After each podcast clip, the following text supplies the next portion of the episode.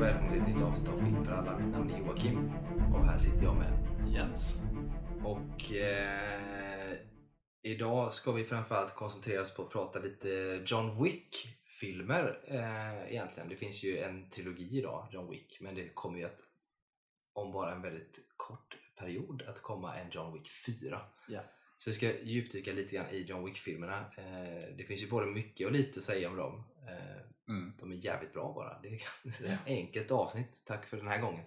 Eh, Men innan det så går vi in på lite eh, allmänt snack och lite nyheter helt enkelt.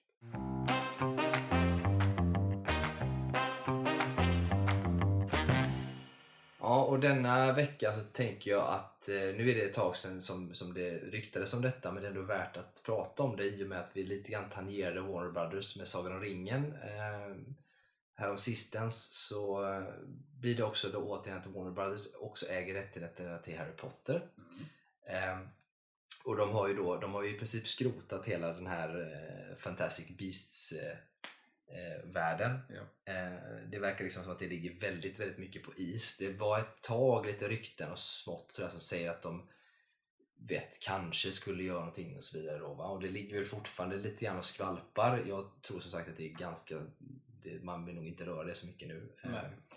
Däremot så kom ju ett rykte som eh, man ska ta med en stor näve salt och det var ju det här med att eh, för bara någon vecka sedan här så sa de att, att det mer eller mindre var klart att, eller Warner Brothers då vill eller ska göra eh, Curse of the Golden Child. Eh, The Cursed Child. Ja, The Cursed Child menar jag. Eh, av, eh, eh, som är Harry Potter, den som gått som musikal Mm. eh, och som då utspelar sig dels som sequel där man då följer Harrys barn och Mm. eh, ja, även Voldemorts barn och Ja. lite sådär. Så att de är liksom med och, och att de då hade då lyckats säkra eh, de här skådespelarna som varit med innan, säga Daniel Radcliffe, Watson och Robert Grint och sådär. och Alla skulle liksom vara med, vad man ryktades om. Eh, som sagt, en stor näve salt. Eh, men att det ens ryktas om det är ju ändå lite intressant. Jag spekulerade ju lite i att det kanske skulle kunna vara så att de har börjat prata om vad vi kan göra med Harry Potter men sen att det skulle vara då eh, The Cursed Child är ju inte säkert. Eh, utan det jag tänker mig att de kanske tänker någonting annat och att de vill göra någonting annat och att de kanske har pratat med skådisarna och att de kanske är intresserade av att komma tillbaka så småningom här men att det kanske inte är just den filmen de ska göra. Nej, alltså när jag, när jag läste det så direkt tänkte jag att ja, nej, det, det är ingenting jag tror på. Och sen är det också att jag vet att det, det kan startas från att för att om bara man lägger in liksom i sitt schema att vi ska, vi ska prata om att göra en, en ny Harry Potter-film med de här tre Alltså bara man lägger till det att det är någonting de vill prata om så är den tekniskt sett in development och då räcker det med att någon hör det och så sprids rykten liksom. Eh, sen är det väl aldrig omöjligt att säga att de tre skulle komma tillbaka. Jag har lite svårt att se att, eh, att de alla tre skulle vilja det. Eh, samtidigt jag kan ändå se att om det är rätt, rätt story så tror jag att de skulle vara villiga. Speciellt efter jag såg den där eh, anniversary-grejen de hade för två år sedan, vad det var. När de det är alla inte ens två år sedan, det är ett år sedan bara. jag, tror Ja, jag. kanske var. Eh, för då märkte man ändå att, att de, det kändes som att de alla tre speciellt på något sätt, Daniel Radcliffe på något sätt insåg i den dokumentären, eller den specialen på något sätt, hur mycket det faktiskt har betytt för honom. Typ. Det kändes lite som att han liksom insåg det själv. Ehm, så att jag tror att om man bara har rätt projekt så tror jag nog att man skulle kunna få tillbaka dem. Ehm, själv så hoppas jag inte att det skulle vara Cursed Child för att jag har, jag har inte sett själva uppsättningen men jag har liksom läst eh, eh, storyn så att säga. Eh, och liksom vad som händer i den. Och jag tycker att det är fruktansvärt liksom, ointressant och tråkig berättelse. Och skulle inte vilja se det. Och tycker bara att det komplicerar och strular till saker på ett onödigt sätt som inte känns Ja, intressant. den, den öppnar upp för att det kan bli rätt mycket sådana här plot holes som man kan bara bli lite påfrestad eh, och att ta till sig. Ja, för det största misstaget jag tycker böckerna och filmerna gör är time turners. Um, och Cursed Child, alltså, det är bara time turners. Mm. Och det är på ett sätt spänn- spännande för att man skulle ju kunna bringa någon form av klarhet i de här jävla time turners egentligen då va? men eh, jag har ju inget emot det vare sig böckerna eller filmerna egentligen. Mer än om man verkligen börjar fundera på det. Ja men exakt, det är det som är grejen. Eh, och det, tyvärr är det ju alltid så, vilket, vad man än tänker på. Men Det är det jag tycker Cursed Child gjorde så dåligt när jag läste vad den handlade om. För jag tänkte också sen när, jag, när den kom ut och jag läste att Time Turners var med i den. För jag vet i böckerna så skriver de liksom bort Time Turners, typ att de inte, alltså att de typ har sönder alla i femte boken. Mm. Så att, så att den, den plottgrejen, den plottvarelsen kan inte användas igen. Det tror jag verkligen var så här någonting J.K. Rowling så här försökte liksom aktivt ta bort lite grann för att det skapar problem att ha dem. Um, och så försöker man då skriva bort lite grann och så i Cursed Child så är det så här eftersom att de använder dem för att åka så långt tillbaka i tiden i den berättelsen så tar det liksom bort anledningen att man kan ha liksom gett sig själv förut för typ trean, för när man ser det i Harry Potter 3 så är man såhär, okej okay, där använder de time turners och i liksom den berättelsen i sig tycker jag att det funkar bra. Mm. Men då är det också så här, varför liksom används inte det liksom hela tiden då? Alltså egentligen. Nej, det, jag håller med dig. Speciellt om man då kan dra tillbaka 20 år i tiden. Liksom. Ja, det är det som jag tycker det är svårt och lite oklart. Framförallt i filmen så är det inte jättetydligt vart, vart Hermione får den ifrån. Alltså så här, egentligen. Inte i filmen, nej. Nej, I böckerna i, nej, i böckerna är det ju tydligare. Men i filmen så är det mest som att den bara är där och det är en naturlig del. Att, typ, det känns ju som att var och varannan skulle kunna ha en sån och Mm. riktigt så är det ju inte. Nej. Eh, men och där behöver man ju...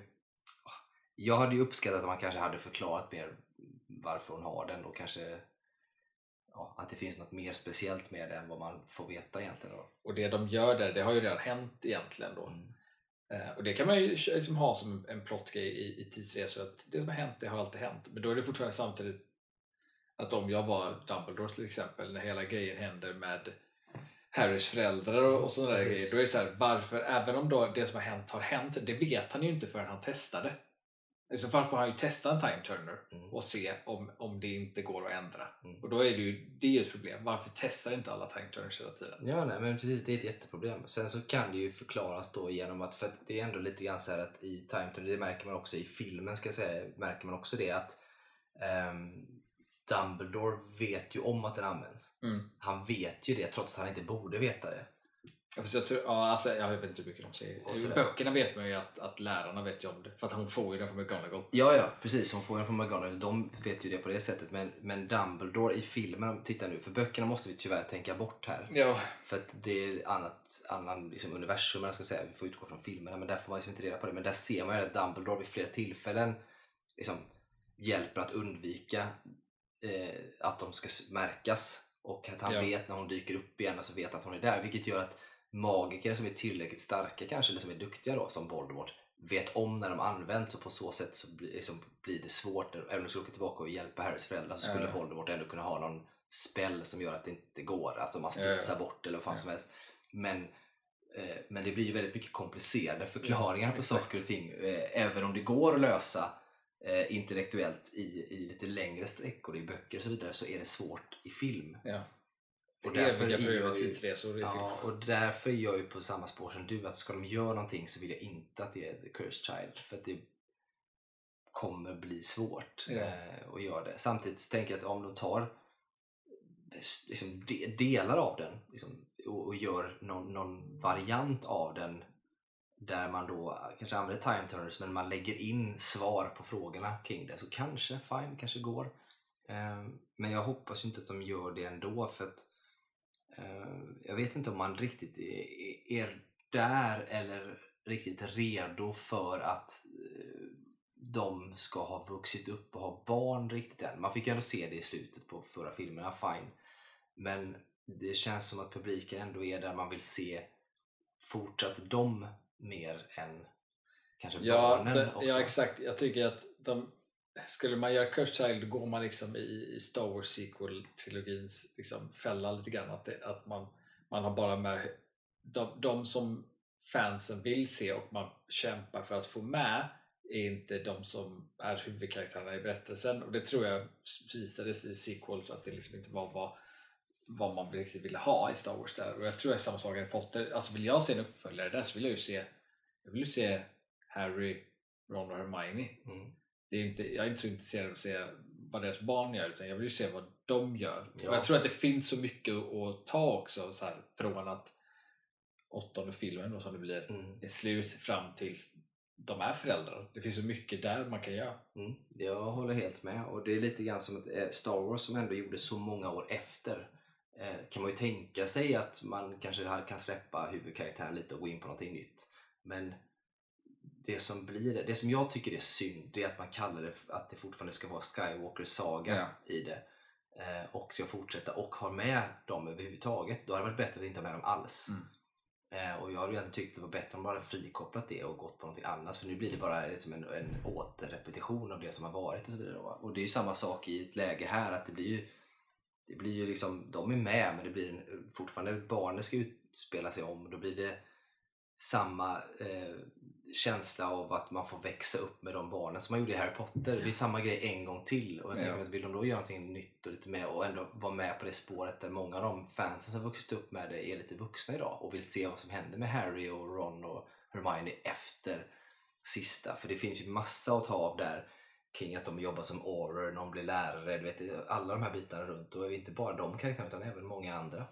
Så jag att det finns en del intressant. Samtidigt så är det också om man jämför, tittar på Fantastic Beasts som inte gick så bra ändå, ändå får man säga. Men där finns det ju ändå, vilket är synd för att eh, fokuset blev fel när man pratar om att det ska vara Fantastic Beasts. Ja. Och där fokuset kanske hade bättre man hade liksom utgått från Dumbledore som en huvudkaraktär istället och hotet med Grindelwald då. För att i princip så är det ju då det som det handlar om. Men där har vi ju Grindelwald som the big bad som, som är en, liksom, det är höga stakes, det är ett jättehot liksom. Och det är det man får höra om i Harry Potter-böckerna och världen där också. Att det, Grindelwald var liksom den senaste innan Voldemort i princip. Mm. Och då är frågan efter alla år, vad skulle storyn vara för Harry, Ron och Her- Hermione efter tio år efter Hogwarts? Mm. Vad är, vad är hotet då? Och det är lite halvjobbigt att komma på för du har ändå haft en ganska eh, det är ju någon klassisk och känd villen i Voldemort. Mm. Vad skulle ens kunna vara någonting som kan vara liknande det? Och där ser jag ju svårigheten med att hitta på någonting som skulle kunna vara ett sånt hot igen. Om man inte då hittar på en Voldemort-son som finns sen. Alltså säga. Men att ja, jag, jag, det blir svårt alltså. Eh, att få med det på ett bra sätt. Att det är tillräckligt stort hot eller tillräckligt mycket driv i en story för att det ska bli intressant. Sen hade jag ju, för att jag är nördig, tyckte det var jätteintressant att bara se så här deras vardagliga liv i här Ja. tv-serie. Liksom. Hur Hermione går till jobbet som professor någonstans eller som Minister of Magic och får man följa det.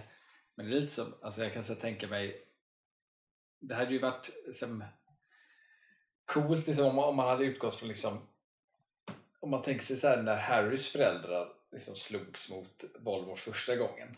För man då tittar, tittar på liksom, den berättelsen, det måste ju vara en rätt cool berättelse. Liksom, ett, liksom en resistance mot en, en, en ond kraft som börjar komma upp. Men där är det också att när Voldemort där, han är ju inte så fruktad då som han blir sen. Han blir nästan mer fruktad efter han har dött. Eller dött inom Mm. quotes liksom. Ehm, så det, man skulle ju kunna liksom utgå från något liknande, att det, det liksom är hot som, som, som byggs upp som då, eftersom man vet att Harry och Ron blir Aurors, liksom, att det är något aktivt de behöver, för då blir de ändå på något sätt förlag. De behöver ju hantera och se till att liksom hålla världen säker för Ja. hot som kommer upp hela tiden. Ja, nej, men det, så skulle det kunna vara. Det, det kan man absolut göra. Det är bara att göra det på ett snyggt och, och så att säga, trovärdigt kan man inte säga, men ändå trovärdigt Mm. sätt att det skulle vara så. För men det är klart att det finns dark magic users där ute som, som gör saker och det kan ju finnas ett hot då att det är någon som är ute efter massa magical artifacts för att samla på sig till att typ vilja återuppväcka diverse bad guys liksom, eller Mm. vad som helst. Så kan det ju vara. Ehm, Så det går att göra. Men sen finns det ju också den möjligheten, vet att många har ju velat ha en, en antingen en film eller någon form av eh, bättre tv-serie som handlar om just Harrys eh, pappa eh, och hans gäng. Ja, The Marauders. The, the Marauders, ja, när de är unga. Liksom, är de, eh, för det är ju mycket där det händer när de är där och du har då konflikten då som börjar dyka upp med Voldemort under den här perioden och ser hur de, hur, hur de kämpar i allt det här när de då skapade Order Ja, Phoenix sen och, och de här bitarna. Och där har ju många, man har ju sett så här fancasting på Ja. Snape med Adam Driver till exempel Ja. och den hade ju varit asbra. Eh, och kan nog vara en intressant story men jag tror inte att det kommer landa som film. Bra tv-serie kanske? Ja, alltså, ja, alltså jag tycker att det, det är en intressant story. Jag hade dock inte varit så intresserad av att se det. Just eftersom man vet vart det leder. Ja, den är alltid På vansklig. det sättet tycker jag att det är roligare att se någonting vi inte sett. Nej, jag håller med. Samtidigt som att, för jag har alltid varit så också att jag hellre ser någonting nytt än det som jag redan vet vad det ska leda. Men då är det återigen ändå prequel-trilogin i Star Wars och även Clone Wars-serien och sånt där som gjordes och även Rebels. Man vet ju vart det leder men det blev ändå rätt intressant. Man bygger ut det lite. Ehm, Men med det sagt så föredrar jag alltid att se saker som man inte har sett eller har någon koll på. Sen är det, eller jag skulle kunna se en del av mig är så att typ om jag bara tar upp eh, typ Ginny som exempel så i boken så är Ginny svingrym. I filmerna är hon ju ingenting. Eh, och då är det så här det är lite tråkigt att man liksom man är fast i typ tolkningar Mm. av karaktärer. Eh, och ska man fortsätta med det liksom. Sen har man ju möjligheten då att faktiskt bygga ut det lite grann då och faktiskt försöka så här, rätta till problem typ, vilket kan vara intressant. Eh, men där är det lite så här, man, man kan lite vara så här, ja det, det är li, lite synd att fortsätta på ett sätt med, med någonting som kanske inte är helt troget till böckerna alltid. Eh, för det, det är samma sak med Ron egentligen. Alltså Ron i filmerna är ju inte, han är väldigt olik böckerna. Eh, men det finns ju också så här, det finns all potential att faktiskt bygga ut det eh, och göra, göra någonting annat av det. Men då behöver man också inte, då får man inte vara rädd för att frångå vad de har varit innan på något sätt. Man, får inte vara rädd för att behålla Ron som Ron har varit utan han behöver bli en annan Ron i så fall. Ja, det handlar ju om att de allihopa behöver... Eh, eh, för som sagt, det är ändå vissa saker som de här, inom citationstecken missar i böckerna som karaktärerna ändå skulle kunna ha.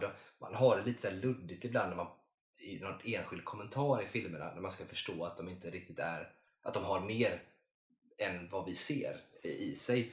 Ehm, men där tycker jag att det hade varit eh, eh, helt som du säger, att man behåller dem ändå som de är, vilket de är såklart, men att de också då har får en förklaring på att de ändå har vuxit upp. Alltså att de inte riktigt är riktigt så som de var förut och att det finns då element av att eh, man kan få in mer av, till exempel då Ginny, hur cool, duktig och mäktig hon ändå är. Till exempel. Typ en sak jag tänker som skulle kunna vara skönt med en sån uppföljare Och även Ron som inte bara är klumpig, han har faktiskt en Ja. del andra saker för sig också. En sak som skulle vara bra med en sån uppföljare egentligen att de, att de alla är lite äldre och de alla liksom, då, då har ju faktiskt alla växt upp som häxor och, och trollkarlar. Vilket för mig då gör att man slipper, för mig som fan av böckerna och filmerna, frustrationen som har hänt tidigare i filmerna när man behövt förklara saker för publiken så har man använt sig av Hermione för att förklara, Mm. eller Dumbledore med mycket Hermione. Men där är det så många gånger i filmerna som det är så här att Hermione förklarar någonting som handlar om trollkarlsvärlden för Ron. När det är Ron som har växt upp i den världen. Och i böckerna är det ju Ron som förklarar de grejerna. Mm. Och det slipper man i en uppföljare för då är, vet man att de här tre kan den här världen nu. Eh, så då kan egentligen vem som helst av dem förklara saker för publiken. Mm. Nej, det är, så, helt klart så. Nej, som sagt, men, jag, men återigen så tror jag att man ska ta det med en ganska stor näve salt. eh, Att det, Ja. att det är någonting på gång där. Eh, Skulle det inom relativt kort komma ut att de har tänkt göra massa saker då kommer jag bli ännu mer orolig för både den här Sagan om ringen-satsningen de gör och DC ut och Harry Potter. Ja. För att det är väldigt mycket på en gång. Det blir som så att då kommer ju stå på de tre benen och liksom köra all in. Och visst, fine, det kanske kan bli jättebra men historiskt sett så är det inte troligt att man lyckas göra det tillräckligt väl. För att alla de här tre kommer vara resurskrävande. Ja, men de, har ju redan, ja, alltså de har ju redan försökt ha ett DCEU och Fantastic Beasts. De har redan försökt ha Ja, två Cinematic ja, Universe och det samtidigt. menar, Båda att de, sket sig. de kanske tycker såhär, ja, men nu har vi fått till någonting bra här nu med James Gunn och de i DCU och det är ett asbra koncept, det kan vi köra på eh, i flera tillfällen. Men problemet är fortfarande att resurserna är ju inte oändliga ändå. Mm. Och då kan man ju hamna i det här problemet som då hände med, med Ant-Man eh, och eh, det senaste Ant-Man där de då tog resurser därifrån när det gäller till visuella effekter och la på Black Panther Ja. Wakanda, alltså två Ja. då. Ehm, inte för att det märktes jättemycket men det finns ju en risk där att du, kan inte bibehålla en hög kvalitet på alltihop Mm. någonting kommer bli lidande istället. Att man polar över någonting till något annat och så vidare. Då, va? Vilket innebär att om det, säg att det skulle vara DC som går jävligt bra då, den världen med Superman och alltihop, så kommer det innebära att kvaliteten blir lidande på Harry Potter och så blir det inte alls bra att bara B istället och då är det ju totalt Jo. värdelöst. Och det, det värsta med det som kan hända är Alltså Sagan om ringen-biten där tänker jag att eftersom det finns filmer och sånt där som har gjorts så, så kan man ändå, det är ju samma sak Harry Potter såklart, men där känns det som att gör de det och testar eh, så kanske man kan bortse ifrån dem och det tänker jag, det är ren flum av mig nu, men det tänker jag för att det finns liksom en gammal bok av tolken man utgår ifrån och så, så att man kanske kan tänka bort den delen men på något sätt känns Harry Potter känsligare om du går in och håller på för du har så mycket lår runt omkring och gör du de här sakerna så känns det som att du kommer ha så svårt att frånkoppla det som de gör från Mm. resten. Mm. Framförallt om de får med huvud, alltså vanliga skådisarna igen då. Jo. Eh, vet inte varför det känns värre för Harry Potter men det känns eh, som att det kan vara så vilket kan förstöra hela Harry Potter i princip. Och det blir inte så kul. Det är svårare att förstöra Sagan om ringen känns det som men eh, jag vet inte. Faktiskt. Men det är lite, ja nej, det är spännande. Eh, vi får väl se var det landar någonstans. Men apropå eh, Harry Potter och J.K. Rowling. mm, Det har ju varit massa dust kring det vi pratade om innan. Mm. Cancelkultur och så vidare. Nu ska det ju relativt snart har jag förstått att hon, hon har varit med eller ska vara med i en podd. Hon har nog varit med och pratat om det redan men den har inte släppts än tror jag. Ehm, där hon kommer ah, inte försvara sig nödvändigtvis men kanske lite halvt kanske be om, be om ursäkt men också förklara att det, alltså det som man har tolkat av henne då egentligen är, ja, som alla andra som stöttat henne också sagt att det kanske är missförstånd och blivit uppförstorat och hon liksom försöker förklara vad hon egentligen menar då. Um, och det kan ju gå åt två håll. Det kan ju gå totalt åt helvete att hon bara fortsätter. Eh, jag tycker egentligen inte att rent nödvändigtvis att hon kanske har eh, jättefel i sak från hennes perspektiv. Eh, så. Men risken är att om hon alltså, kommer att cementera det och, och bibehålla det, bibehålla det hon har sagt utan att på något sätt retconna det eller ta tillbaka det eh, på ett sätt att förklara att hon inte alls menar så. Eh, om hon inte gör det så finns ju risken att backlashen kommer bli ännu större och folk blir, tycker det är värdelöst. Och att hon målar ut sig själv ännu mer. Eller så kanske det blir bättre, det vet man ju inte. Men, Ja. Alltså det, det som jag skulle, eller så här, hoppas och, och egentligen så här, hoppas, alltså det jag tror skulle vara bra från hennes perspektiv är, för jag tycker hon kan tycka precis som hon tycker. Eh, jag tror också att mycket handlar om att, att de här två olika sidorna av det inte riktigt eh, vill förstå den andra. Typ. Och jag tror att, att det, det bästa hon kan göra är egentligen att, att stå, stå för det hon tycker men också att liksom erkänna att hon, att hon försöker förstå den andra sidan av det också. Alltså att hon, att hon kan ta sig till det och se, försöka se från deras perspektiv hur de tycker och känner kring saker hon har sagt. Liksom. Mm. För sen vad hon tycker och sånt där, alltså, och sen är det klart, folk ändrar ju sig. Alltså, när man läser på man och sånt så, så är det ju såklart att man, man ser andra perspektiv. Ja, det är klart man gör, men, men hon har ju inte, utifrån det hon, hon sa då egentligen, det har vi gått igenom någon gång också innan egentligen då, men det, det handlar ju egentligen om, eh, det som det bottnar i att hon har ju kämpat rätt mycket som kvinna just, att vara kvinna och att det varit kämpigt för henne. Hon fick ju inte, liksom inte ens utgivit sina böcker, Harry Potter-böckerna från början. Ja. Hon fick ju till och med hitta på, eller hitta på, hon kallades för J.K. Rowling så att man inte skulle veta att det var en kvinna då till Ja. exempel. Så att hon rätt mycket med det. Och sen så har ju hon känt att till viss del när det kommer då in transpersoner i det här som då kallar sig själva för kvinnor och liksom tar på sig svårigheterna som, som hon själv kanske uttryckte sig lite slarvigt då, men riktiga kvinnor eh, har så, så, så försvinner hela kvinnokampen och kvinnosakskampen och det var ju lite frustration i det som inte alls var speciellt svår. Liksom, det var inte så att hon tyckte att det var mindre värde eller dumma i huvudet eller något sånt utan mer bara liksom, synd att eh, fokus tappades från just det och att det varit svårt nog för eh, det här. Då. Så att man kan ju förstå hennes perspektiv. Och jag tror inte att hon, för att hon har aldrig någonsin sagt någonting om att hon är emot transpersoner eller tycker att, liksom, eh, att de är dumma i huvudet, att det är fel. Det finns ju inget sånt. Nej. Men man kan nästan tro det när man hör liksom, backlashen som kommer från den communityn. Ja. Ehm, och det är hemskt. Vi får ju se vad som händer här. Och det finns, egentligen, det finns som du säger två sidor. Den ena sidan är ju de som det finns två sidor. Den ena sidan är egentligen de som inte bryr sig. Alltså som är så att det är böcker och hon är där hon är och de som känner henne verkar ju ändå tycka om henne att hon är vettig och det är som det. Och som jag som inte bryr mig jättemycket om, om det. liksom så.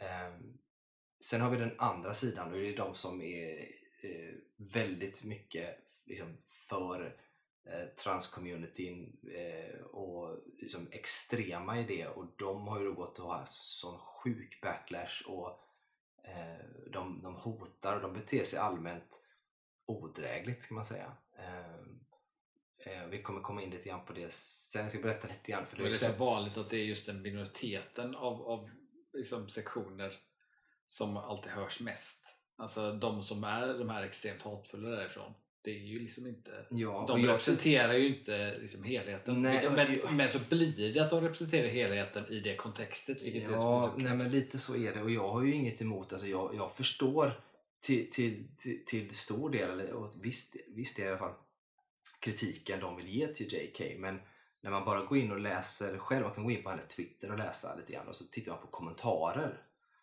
Då är det jävligt aggressiva kommentarer på väldigt lite. Alltså det det är väldigt snabbt dömande utan att folk egentligen förstår någonting. De vill inte förstå, det är bara köra över och jag kan tycka att det blir så onyanserat och tråkigt i det. Jag kan, man kan absolut ha en kritik men när man inte ens försöker förstå eller förklara utan går direkt på eh, påhopp så blir det inte bra. Eh, sådär. Sen finns det också en, i, i det, i, i liksom annat som är kopplat till sånt där när folk inte vill förstå den andra sidan där folk blir upprörda över saker så är det ofta, eller det finns alltid en, en viss grupp som ska vara vokala och upprörda fast som egentligen inte är en, en, en aktiv del i det. Mm. Eh, typ ett exempel som inte har med, med trans att göra utan det har med det här med cultural appropriation att göra. Mm. Eh, där är det så himla ofta att det finns en vokal minoritet över det som egentligen blir arga bara för att bli arga över det. Jag såg ett sånt här klipp som jag tyckte var så talande ehm, med, eh, de var i USA ehm, och så hade, var det en, en vit snubbe som gick runt med en sombrero och en mustasch och frågade andra vita så här, ah, är det här cultural appropriation, är det här inte okej? Okay? Och alla de är såhär, det där är inte okej, okay, du kan inte klä så, det är förnedrande och kränkande. Mm. Sen gör han samma sak i mexikanska eh, liksom neighborhoods och sånt bland dem. Alla de tycker att det är kul. Mm. Och det är ju egentligen i så fall de som ska vara upprörda över det. För det är ju deras kultur. Och där ser man den här skiftningen, det, det finns alltid de här som, som bara vill vara upprörda över saker. Ja, ja där är det Samtidigt så får man, får man också tänka, på ett sätt så är det bra att vita människor svarar så till viss del. Alltså för det är ändå det är bättre att de bara skulle tycka att det är kul och tycka liksom, det är rätt åt mexikanerna, du vet, att det hållet. På ett sätt är det väl bra. Men, på, men många gånger så är det tyvärr så att kampen för den typen av rättvisa den, den tas ju av andra som ja. blir förnärmade och, och andras vägnar och det är jättevanligt. Mm.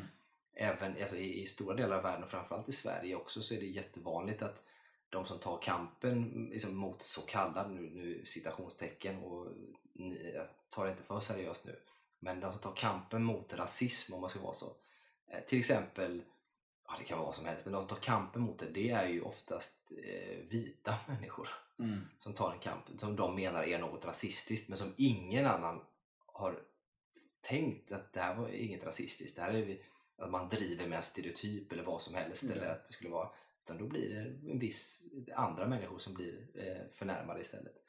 Eh, och det är helt klart ett problem. Samtidigt som att hade den balansen inte funnits och andra hade blivit det så hade det kanske blivit ett förtryck så småningom istället i alla fall mot en minoritet. Så ja. Det finns ju ändå en balans i det men det, har ju gått, det blir lite överdrivet väldigt många gånger. Um, och det är synd när det, blir, när det går för långt eh, som jag tycker att det generellt sett har gjort i J.K. Rowling-fallet. Um, och där har vi ju nu då, vi har haft de äldre skådisarna har gått ut och stöttat J.K. och tycker att allting har liksom blivit blown out of proportion i princip. Mm. Eh, nu har ju en i alla fall av de yngre faktiskt gått ut och också mer eller mindre sagt att det har blivit förstorat och det är ju Evanna Lynch då som spelar Luna Lovegood eh, som bara häromdagen för första gången eh, uttryckt sig kring detta och tyckte också att det här liksom, det tycker jag lite finns gemensam sak att göra av det. Alltså det i min värld så tänkte jag fan vad skönt det varit om de bara går ut och blir vänner igen. Ja. Trans-communityt och JK och de gör något gemensamt av det. Ja. Eh, och, sådär. och att JK själv skulle liksom skriva in i Harry Potter transpersoner. För i Hogwarts Legacy Jag till såg det. Det exempel, finns så, en... så finns det ju en, en väldigt tydlig, det finns flera av olika typer av sexualiteter, det finns homosexuella och så vidare men det finns en väldigt uppenbar och tydlig eh, transperson i den. Som jag är så att jag, hopp, alltså, jag hoppas på någonstans ändå att det finns en, alltså en blessing bakom det. Jag vet inte hur mycket det ligger i J.K. Rowlings eh, liksom, ägo att kunna ha det men jag hade velat att antingen att hon hittar på en sån karaktär eller bara går ut och stöttar det på något sätt. Och sådär. Men där är, alltså, bara det är en sån där sak också för att Även om man då bortser egentligen från så här, eller vi utgår så att, att J.K. Rowling inte tyckte om det. Vi säger att hon är transfobisk bara för att Mm, så här, mm. och hon hatar att de har haft med det. Eh, och så är det folk som försöker så här, bojkotta det här spelet. Men alltså istället, se på det istället att här är en grupp människor som har försökt skapa någonting för andra människor som tycker om den här världen och vill uppleva detta och inkludera då en transperson. Och det visar ju att det finns folk som bryr sig om det. Som bryr sig om den här världen och har liksom, förmodligen har väldigt likt med vad de, liksom, du själv tycker i det om du är då från trans-community på det sättet. Och försöka se det fina i det istället för att liksom se bara nu ska vi bojkotta allting för Ja, att det- skaparen ja. från Harry Potter har sagt att jag inte håller med om. Ja, det, är, det är synd att man eh, väljer att se det på det sättet. Det som de har som argument är ju att varje gång man köper ett spel eller ser film eller vad som helst så är det att det trillar pengar i JKs ficka. Ja, men det är klart att det gör. Och ja, det kommer du ju inte undan. Det är, hon har ju skapat världen så det är inte så konstigt. Men man kan ju inte heller ta ifrån att den världen som är skapad är väldigt fin och den kan få leva bort ifrån eh, liksom ursprungsinnehavaren. Det är ju på samma sätt som Tolkiens story. Vet du, nu fick ju Rings of Power lite kritik eh, från, ja det är ju rasister i princip för att de hade en svart Mm. alv med. Men det spelar ingen roll. Tolkien hade ju aldrig med några svarta alver. Det finns ju, det finns ju inte, de ser ut på ett visst sätt. Men jag tror inte att nödvändigtvis han var rasist. Men han växte upp i en tid där det var väldigt tydligt att olika nationaliteter och folkgrupper såg ut på ett visst sätt och var på ett visst sätt. Och väldigt tydliga kulturbitar liksom, eh, bitar och sånt. Det, han byggde ju upp en sån, sån värld. Men den kan ju utvecklas nu i andras händer och i vår värld med vår värdegrund och låta det vara. Man behöver liksom inte vara så krånglig med det egentligen. Utan nu är det som det är. Den världen finns och vi har liksom fått möjligheten att låta den vara vad vi vill att den ska vara. Mm. Och de som då gör spel och som har de här nu kan då välja att lyfta in de här bitarna. Och det är ju en, det är en fin sak. Man kan ju inte ta bort det. Och det är ju inte så att det är inte så att J.K. Rowling i, i stora drag som vi pratade om innan, hon har ju haft homosexuella karaktärer med och mörka allt möjligt. Så det är inte så att hon går in och är überrasist och jätteemot allting och gjort en värld där vi sen försöker stoppa in, liksom, Nej. där det nästan blir svårt att stoppa in för att det, det är så upptydligt rasistiskt. Det finns ju liksom inte utan det här är en ganska öppen värld där vi har möjligheter.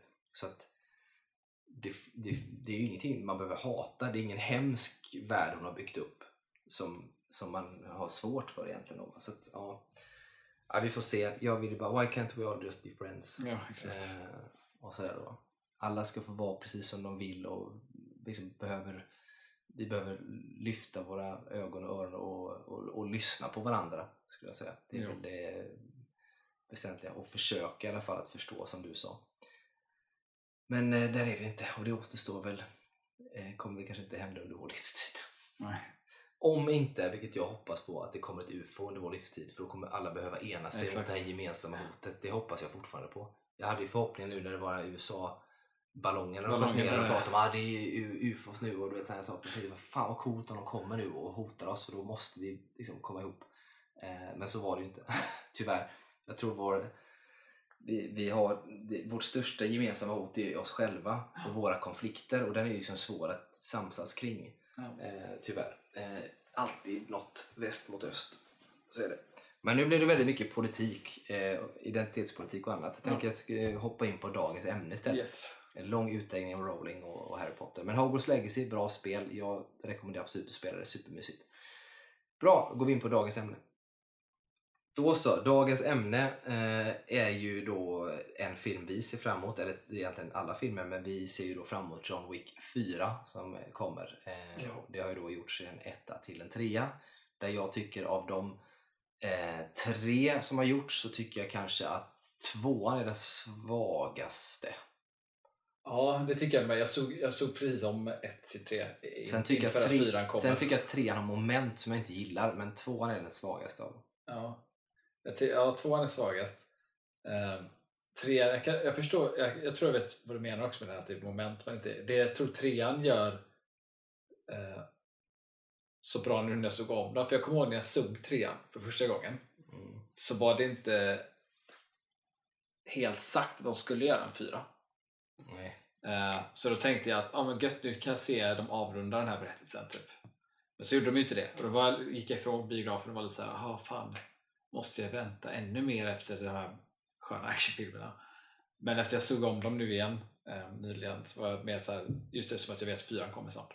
Så jag såhär, vad fint trean lägger upp det för nästa film. Sjukt bra om man, om man säger så. Jag kommer ihåg exakt samma känsla när jag såg trean, att jag också tänkte skulle runda av och, och, och sådär. Och sen så slutade den ju som jävla cliffhanger. Ja, Så då blev man också såhär, shit ska jag vänta? Jag kände samma sak efter tvåan också ska jag säga. För när första kom så var, var det ju inte heller direkt helt hundra på att man skulle fortsätta. Nej. Utan den gjordes ju bara för att göras. Eh, och så då en tvåa kom och sen när tvåan slutade så var det precis samma slut där man bara fuck, här vill Mm. man ju bara se mer till, till liksom trean. Och ja, det fortsatte i trean med. Man hamnar ju precis samma sätt. Och för er som inte har sett John Wick, alltså det är svårt, kanske inte, de flesta känner väl till det egentligen. Men det är alltså Keanu Reeves spelar ju då John Wick. Mm. Som i, i första filmen så har han ju då precis, eh, han är alltså en, i en ganska avancerad värld av lönnmördare som lever i någon form av, det finns en, liksom en undre värld där Ja. allting styrs väldigt eh, allt är hemligt. Ja, hem, hemligt och i skuggorna och de har sitt egna liksom, regelsystem som hålls väldigt hårt på och, alla de här bitarna. Och där är John Wick typ en legend. Han är som Baba Yaga. Baba Yaga är typ den absolut kändaste av allihopa egentligen. Alla, liksom, han fixar typ allt. Ja. Och det grejen är att man tar sig ju aldrig heller från den här världen i princip. Det är väldigt sällsynta fall man gör det. Och han har men ändå på något sätt lyckats ta sig ur det Ja. i första. Eh, hans fru har ju precis gått bort då i vad jag förstår någon form av, hon får väl någon stroke eller något liknande. Eller hon faller ihop där när de är på något ställe. Så det sägs aldrig exakt vad som och händer henne. Men man tänker, sig att det, man tänker sig att det är typ cancer eller något sånt där. Ja, det, Men- det är något, något naturligt. Ja, så att eh, det, det är ju inte så att hon blir mördad Nej. på något sätt. Men hon, hon gör det och så är det är ju sorgligt såklart för han har lyckats ta sig ur det här då med henne vid sin sida och lyckats få ett hyfsat normalt liv och lycklig. Hon går bort och han är sorgsen och så vidare då va? Och sen så visar det sig då att hon har löst en hund Ja, en liten valp. till honom som han får hemskicka eh, innan, sista gåva. ja, innan sin död på något sätt och så lyckas hon då liksom få att han ska få den här hunden. Ehm, och, eh, ja, och det som händer är ju att eh, han, åker, han har en häftig bil. Mm. Har han ju. Och där är det några som ja, i princip ser han i den här bilen. Ett gäng unga amerikanryssar kan Mm. man säga som ser det och eh, börjar prata lite grann med honom där. Eh, ja, så tänker man inte mer på det men så eh, är det så att de är så sugna på att ha den där bilen för att han säger att den är not for sale till dem. Ja, de vill ju köpa den. Ja, eh, så att han åker hem. Det ska inte bli för långrandig i plottförklaringen egentligen men det är bara, jag bara ser att det är så coolt. Men de, försöker, de kommer dit i alla fall och eh, bryter sig in hos honom eh, på, på, på natten och mer eller mindre, ja, de, ja, de misshandlar ju honom och sånt. Han är ju inte liksom, superberedd på det här egentligen. Då, va? Så de gör det och han försöker väl ändå liksom inte du vet, gå, ta på sig den här lönnmördarrollen och mörda massa folk liksom, utan han försöker väl ändå sköta Mm. sig som en normal person. Men eh, i detta då så eh, de snor hans bil, vilket också är en kär ägodel och de då mördar hans eh, hund. Ja. Och där eh, ju triggern. triggade honom rätt rejält kan man säga. Eh, och det finns sådana coola, alltså, de här liksom, får rysningar fortfarande så jävla coolt när de då ska åka iväg till en sån här chop shop eh, med den här bilen Ja. och får den mer eller mindre typ såld då, eller du vet fixad och så John Leguizamo som spelar eh, det här Mechanic då som äger det här stället bara eh, Where did it, you get that car? Så förklarar han bara men vi tog den av en snubbe så här och han vet ju att det är John Wicks bil. Han känner ju det, den här undre världen så han vet ju det. Och han bara jag kan ta inte emot den här Ja. bilen du vet så här. Vet du vem det är du har gjort så här. Ja, och så får man förstå liksom att det här det är inte bra. Därefter så börjar då den här hämndhistorien. Han är ute efter den här framförallt en av de här då som är son till eh, Mikael Nyqvists karaktär Mm. som är en ryss eh, maffiaboss. Typ, eh, så. Eh, ja, så det är den hämndhistorien i första i princip. Han ska hämnas sin hund. Och därefter så rinner det på. Allting eskalerar ju bara för att alltså, det är ju första filmen, det, det enda han vill är att döda eh, de som gick på och mördade hans hund, specifikt den här sonen. Sen är det ju bara att folk inte ger sig. Nej, det är den, det är den Vilket tra- trappar upp för Ja. honom hela tiden. Ja. Eh, och någonting som jag tyckte, som, som jag inte tänkte på sista Sodom, som jag tänkte på så mycket mer nu när jag såg dem, var hur mycket de eh, liksom lägger, för det tänkte jag på i tvåan en bit in i det. Jag var så här, varför fortsätter han nu? Mm. Egentligen. Men de lägger väldigt mycket fokus på i tvåan och även i trean på att förklara varför han fortsätter. Och hela det här grejen med att att, att anledningen till var- varför han fortsätter, varför han vill vara vid liv är för att han vill kunna minnas sin fru.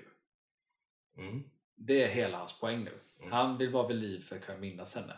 That's it. Så om någon är i vägen för det så är det kört. Liksom. Eh, och sen slutar ju trean, nu jag tar upp det, där blir det ju liksom där känner han sig ju sviken. Ja, för det är ju alla de här... För det är så, Peter Stormare spelar ju brorsan till Mikael Nyqvist. Ja. Han är inte med jättemycket. Det är bara början. Han, han, han fattar ju att han inte ska ge sig på honom så mycket. Han är den enda som liksom, faktiskt han, han det. fattar, okej jag ska inte göra Ja. det. För att det börjar med att han får ganska tydligt att nej det här blir nog inte bra. Eh, Men sen så finns det då någon som känner John Wick rätt mycket som, som kommer in som en, det finns ju då det kallas för the high table som Ja. är eh, ja, styrelsen för alltihop, de som styr, som sitter högst upp i det här. Eh, och då kommer det en av de här familjemedlemmarna till de här, någon som sitter där som eh, ja, begär en tjänst av John Wick. Och det är lite, de har ju sådana här blodseder då som de har med de ger bort med så här blodfinger, alltså Ja, så här blodsdosa som de knäcker sen. Om den väl blir inlöst så tar de en sån här tumavtryck och så Ja. är den klar. Men då har han alltså en sån här löfte som han slapp när han var väl ur, när han var ur det. Men i och med att han gett sig in i leken igen och är aktiverad så att säga Mm. Eh, och kommit in så är han ju där igen. Vilket innebär att då kommer den här snubben och begär en tjänst som han ska göra i andra filmen eh, och gör den. Men sen så, och, och det vill han egentligen inte göra men han gör den. Eller han gör den egentligen inte för att det lyckas ju lösa sig självt ändå. Eh, kan man säga. Mot, ja, det är en som, han vill att hans syster ska dödas men hon, hon gör ju det mer eller mindre själv. Ja. Så så att eh, det är ju hela den biten. Men sen så är grejen att när då det här ska vara egentligen avbetalat och klart så blir han ju då ja, backstabbad och det inte är så lätt. Nej. Utan då är ju den här brorsan ganska dum i huvudet. Och, Ja, för han kan, ju inte, han kan ju inte låta sin systers mördare gå fri. Nej, och det är också såhär bara, "Pff, fan dum i huvudet. Han Ja. vet ju att han är Alltså, men han tänker ju inte, han, han kan inte vara tillräckligt mäktig för att stå emot alla som han har slänger på honom. Liksom, Mm. tänker han ju. Eh, men ja, så där blir det ju då den eh, kampen att han känner sig förrådd i den och ska ge sig på eh, på något sätt. Och där har du också på de här hotellen som är, där får du liksom inte conduct business som man säger, det göra affärer, alltså, eller mörda någon eller Nej. göra något sånt. Utan där är det liksom fredad miljö oavsett Mm. vad man är ute efter. Annars blir det väldigt grava konsekvenser. Och det är precis det som händer då i tvåan. Eh, att han då faktiskt mördar den här eh, snubben som hör på det här stället där Ja. han inte får göra det. Exakt. Eh, och då blir han excommunicado. Ja. Det vill säga att han har inga rättigheter till att få tjänster av liksom, läkare eller de här hotellen eller vad som helst igen. Och det är det som hela trean handlar om då, att han liksom försöker klara sig utan detta och då får, han liksom, då får man ju se att han håller på och hämtar in tjänster från folk som är skyldiga honom lite grann ibland och sådär och tar vissa vägar för att ta sig fram och det är inte helt lätt då. Va? Eh, Nej. Och så i princip slutar den ju ytterligare då som jag är lite, li- får man ju se i fyran hur mycket det är meningen eller inte eh, och sådär men han blir ju återigen typ förrådd Mm. men jag, i mitt huvud så finns det ändå att, vet inte, man vill ju tro att det typ är lite liksom, att han var beredd på det, att det finns en plan det, med det det. är lite det som, är, som, som jag var, alltså, man fattar ju att, att han, eh, Winston, eller vad han heter, Mm. att, att han vill ju egentligen ingenting ont utifrån hur jag ser det honom. Utan Nej. han gör ju egentligen det för att typ rädda honom. Jag räddar Eh, honom Men sen är frågan hur mycket, hur mycket Wick var beredd på det eller inte. Nej, så kan det vara. Men för det som jag tänker att ändå finns det, för han är ju ändå en, Winston är en ganska cool karaktär på det sättet. Men han har ju också att för att kunna få tillbaka, för att han äger hotellet, Ja. ett av hotellen. Och för att få tillbaka statusen på det och sånt så måste han visa sig trogen till High Table. Ja. Och sådär. Och då är det lite så här spontant att han är ju bättre på insidan för John Wick än utsidan. Och att han får tillbaka den statusen blir ju bättre för alla egentligen Ja. man får. Eh, och så tänkte jag att det kanske finns en plan om att han gör så. Samtidigt så är det så brutalt på det sättet Ja. att han slår sig då, John Wick i slutet. Ja. Att man tänker sig att kan han ens ha räknat ut att han skulle överleva det? Alltså det är någonstans Men jag kan tänka, man inte. ja, jag vet, jag kan tänka mig att, att han det känns lite som, så som han karaktären är så är det så att han, han gör det här, han skjuter honom så att han trillar ner från byggnaden. Men jag tror han, han är nog så att om, om han råkar döda Wick där så spelar det ju ingen roll för Nej. honom. Men han är samtidigt så här, det gör inte mig någonting om han klarar sig. För om Nej. han klarar sig så är det en asset för mig med. Ja precis, så tänker jag ju med att han ändå tänker att det finns kanske lite förklaring. Dels är det så att han skjuter honom inte dödligt. När han väljer ju att skjuta honom på hans kostym som tål. Ja, så han skjuter honom där och sen så är det ju så att man får också se när han trillar ner först och slår sig ganska rejält högt uppifrån och sådär brutalt. Men man får också se sen att helt plötsligt är han borta. Ja, och när de kommer och säger det till honom så är han inte förvånad. Nej, och det kan ju också vara en sån här sak. Han kan vara borta och det kan ju vara flera skäl han är borta. Det kan ju vara att han har hjälp från ja, eh, The Bowery-gänget till exempel som är ett annat gäng som finns med Han blir hämtad, eller? under, undervärlden. Blir han det? Ja, är det, det ja ju just det det. får man se där. Ja. Eh, men att det finns en kontakt mellan typ Winston och Ja. dem så att de vet om att någonting kommer hända så de kan snabbt plocka honom då. Ehm, det vet man ju inte hur mycket planer och det tror jag att man kommer få veta I fyran, fyran hur det egentligen ligger till då. Ehm, men det är nog som du säger att han tänker nog så här, John Wick överlever det mesta ändå. Han tänker att lever han så lever han annars så ja, har det ju blivit som det blivit då. Ehm, så vi, vi får se hur det blir. Det som, som är bra med alla egentligen är att när, när de väl kom, eller framförallt första, så hade det ju inte riktigt gjort sig. Jag ska inte säga att den känns som en klassisk actionfilm heller. För att när man tittar på gamla filmer, det kan vara Jean-Claude Van Damme, eller Steven Seagal eller Arnold eller vad som helst, så finns det inte riktigt på det sättet ändå. Det mest jämförbara är ju, är ju egentligen så här koreanska, eller japanska eller kinesiska kampsportsfilmer Ja exakt, som ja, har gjorts. det, är det, som, det, det är det som jag gillar med de här John Wick-filmerna. Det, det är på något sätt att de är så meta Mm. i det. För att det, det är så här, skaparen bakom, han är ju liksom från stuntvärlden och han älskar ju de här klassiska gamla liksom, östasiatiska martial arts-filmerna. Ja, Hongkong-rullarna och sådär. Så han, han har liksom tagit det han tycker är liksom bäst och, och, liksom, och gjorde det i en tid då, då det liksom var inget sånt längre i Mm. Hollywood. Och så gör han det på ett sätt med stunt på ett sätt som, som också att stunt började försvinna mer och mer och allt blev digitalt. Och så, så gjorde han så det blev en liksom, renässans av även stuntarbete igen och liksom fick med folk som verkligen, det blev ett så passionerat projekt för första och att det sen har fortsatt och att att det är just där man märker hur mycket de faktiskt älskar. Det är därför jag älskar de här scenerna de gör. För man märker hur mycket de älskar att göra actionscenerna. Mm. Hur mycket de, de vill och att de, liksom, de har växt upp och sett actionfilmer och ser dramaturgin i det och deras tanke med varje actionsekvens är en dramaturgi. Det är inte bara action för action utan det ska ha en poäng och det märker man de här filmerna som jag tycker är så nice. Och hela den här att de föser in, som i tvåan, när de föser in La- Lawrence Fishburne liksom. Det är liksom Matrix, Keanu Reeves. Och det är med som glimten i ögat. Vi alla är medvetna om att de båda är också karaktärer för Matrix. Eller att de föser in han eh, som håller på med Läkaren. nycklarna, som är läkare. i trean. Ja. Han är, han är med redan i eh, Han är med i första till och med. första va? Tror Ja. jag till och med. Ja, han- Första och trean tror jag han är med i. Ja. Eh, och det är också så här bara en hint att vi alla är medvetna om, gillar man Matrix, vilket man förmodligen gör om man har sett John Wick-filmerna liksom, så kommer du känna igen folk och du kommer liksom se den liksom, grejen bakom. Det är så met att alla är liksom bara, vi vet, vi vet varför vi tycker om de här filmerna och vi vet varför vi gör dem.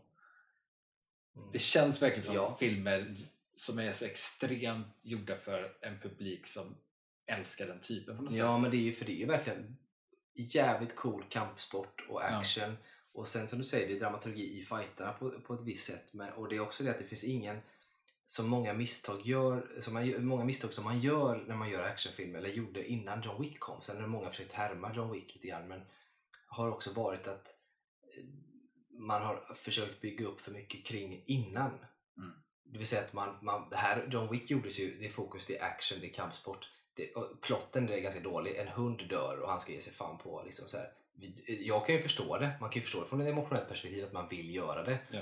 Men det, det eskalerar så pass mycket att någonstans kan man känna att det kanske inte är värt det. Men, men han gör ju det och det, det är som sagt ingen större plott i det.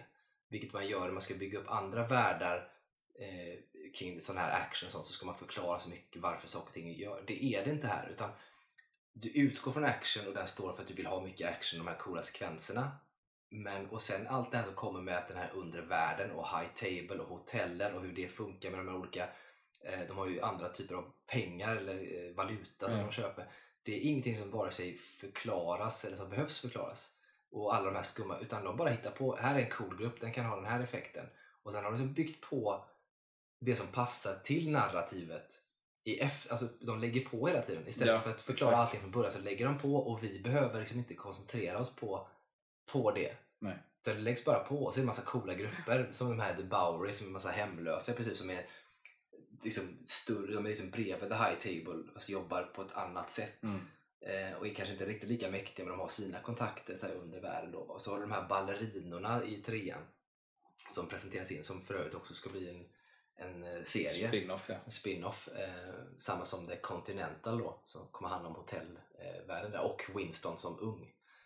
Relativt ung. Eh, och sådär. Så det kommer komma en del spin-offs på det. Men det är just det här med att det fanns inte från början en färdig värld på det sättet. Utan man utgick Nej, det var ju väldigt från, tänkt som en film. från en film och action och så, så har man bara känns mest som att det är så här jag skulle vilja själv både skapa film och kanske berättelser överhuvudtaget. Bara utgå från coola sekvenser man vill se. Mm. För att sen liksom komma på Man ja, bygger men, runt det. ja, men typ så här, det här är en cool grupp som jag skulle vilja ha med. Det, då kan vi ha det att han har, tar hjälp av dem här eller gör så här. Det tycker jag blir så bra i de här att det är så skönt att se på dem. För det är action, man vet att det är det som gäller. Och sen så är det massa sådana här coola grupper och subgrupper och sånt som finns överallt. Och sen är det ju lite roligt också att det är så jävla många lönnmördare i, den, i den här världen.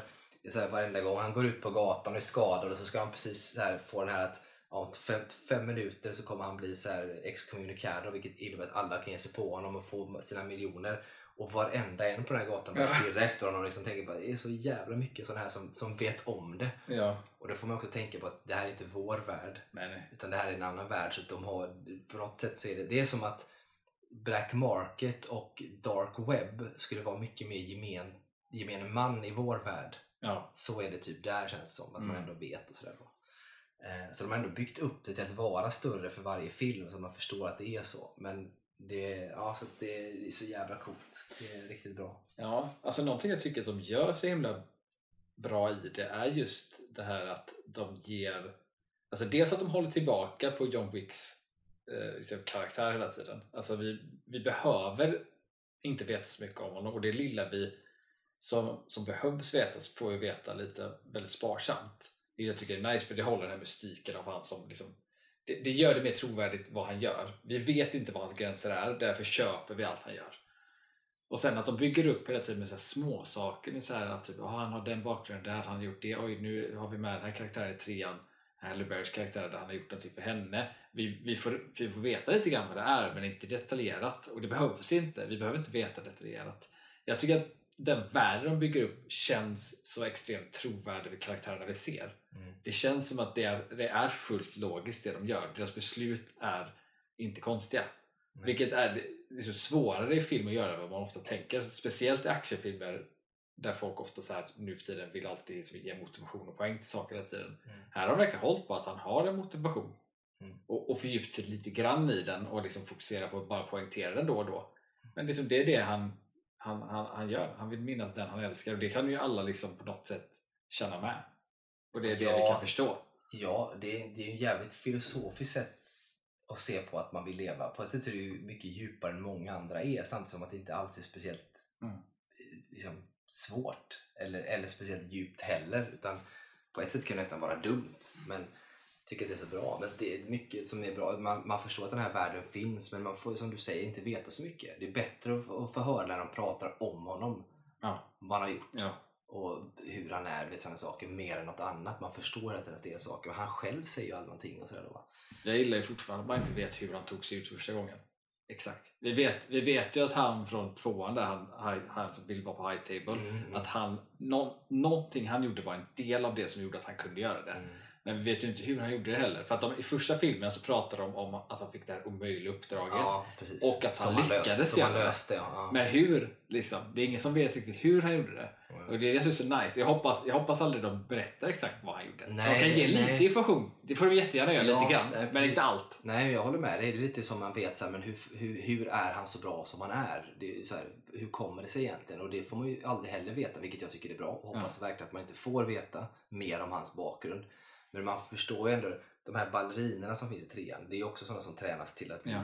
Assassins till exempel och det kommer ju handla om det i den serien och sådär så att man förstår att det finns lite olika sådana institutioner. Han har någon koppling dit på något vänster med någon och sådär. Men man vill inte veta så mycket mer om det. Utan han får gärna vara lite den här superhjältestatusen, att han är above all others. Men man vet inte varför egentligen och på vilket sätt. För då blir han för mänsklig och då blir det inte lika bra.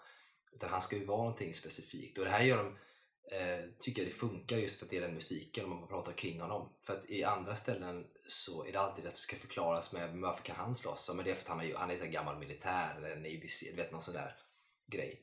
Eh, och det, ja, och, och ibland så antingen så förklarar man det och så fattar man det och ibland behöver man eh, förklara det för att annars fattar man inte. Jag tänker direkt på en serie som är lite liknande den här. Det är ju, eh, för jag vet inte om du har sett den, men Banshee heter ju den. Eh, det är ju med han som spelar Homelander i The Boys. Jag vet vilken Det, det är. det är den första jag såg. Jag tycker att den är så jävla bra. Men han spelar då, han tar ju över som eh, sheriff i en stad. Det blir så här identitet, han mixar upp det och så ja, kommer han dit och påstår att han är sheriffen som har dött. För han har inte dödat honom, han dog på ett annat sätt och så tog han hans identitet och begav sig dit då av diverse skäl. Men han kom ut från fängelset precis då, den här karaktären och eh, suttit inne för liksom, stöld, bankrån på något sätt och så vidare. Och är ganska så här liten och klen. Han ser inte ut som Homelander då utan han ser ju ganska liksom, vanlig ut. Men han är en jävel på att slåss liksom. Det är brutala slagsmål. Det är typ alla John Wick-stuk på de fighterna liksom.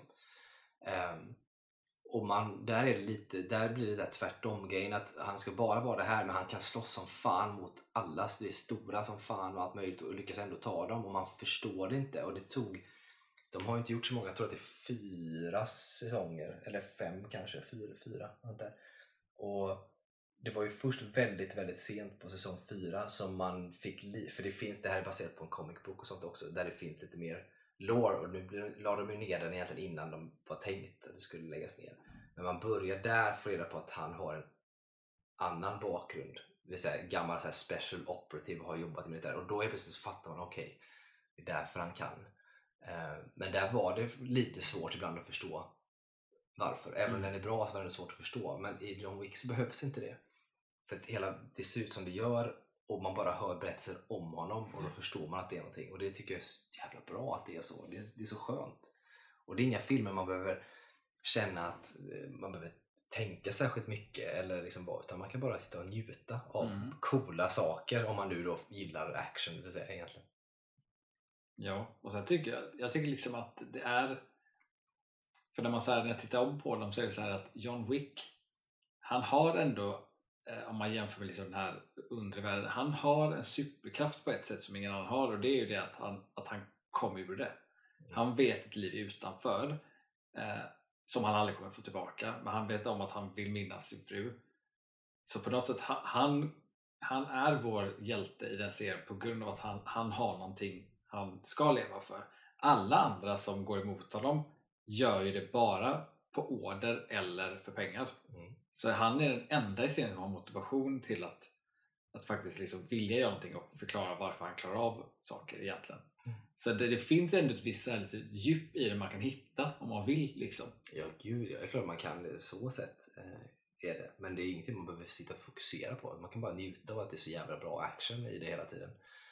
Eh, och sådär. Det det är lite roligt nu inför John Wick 4 för han är ju, dels är han ju sinnessjukt duktig. Ända sen, sen Matrix-tiden egentligen. Han tränade kampsport, alla möjliga i flera månader och blivit bra på de bitarna och sånt. Eller år egentligen. Så har han ju hållit på med lite sånt titt som tätt och han är ju jävligt duktig martial artist numera, Ken Mm. Reeves. Så även om han är 60 bast liksom, så är han ju fortfarande väldigt aktiv och kan det. Och många pratar väldigt mycket om hans arbetsmoral och hur Mm. mycket tid han lägger Ja. ner på det. Och det är bara det och vapenhantering och sånt som han har blivit så jävla bra på. Till och med att de här stuntkillarna och sånt börjar liksom liksom ge honom eloge för att han till och med börjar bli bättre än dem på vissa grejer. Då, va? Och då är det verkligen en specifik som handlar om vapenträningen, en som handlar om kampsport. Men Han Mm. kombinerar ju detta på något sätt och va, så har du skickliga människor runt honom och sånt. Sjukt bra stuntteam de Ja. har i alla de här. Magiskt bra, vilket gör att han också köpte vad var det, Rolex-klockor till allihopa. Eh, Och sådär, eh, vilket jag tycker är lite gulligt. Ehm, Men sen så är det ju de bitarna. Sen så är jag ju själv intresserad av, av, av bilar och motorcyklar själv. Kan Mm. Har gjort en hel del. Och nu i senaste nu så är det ju ganska...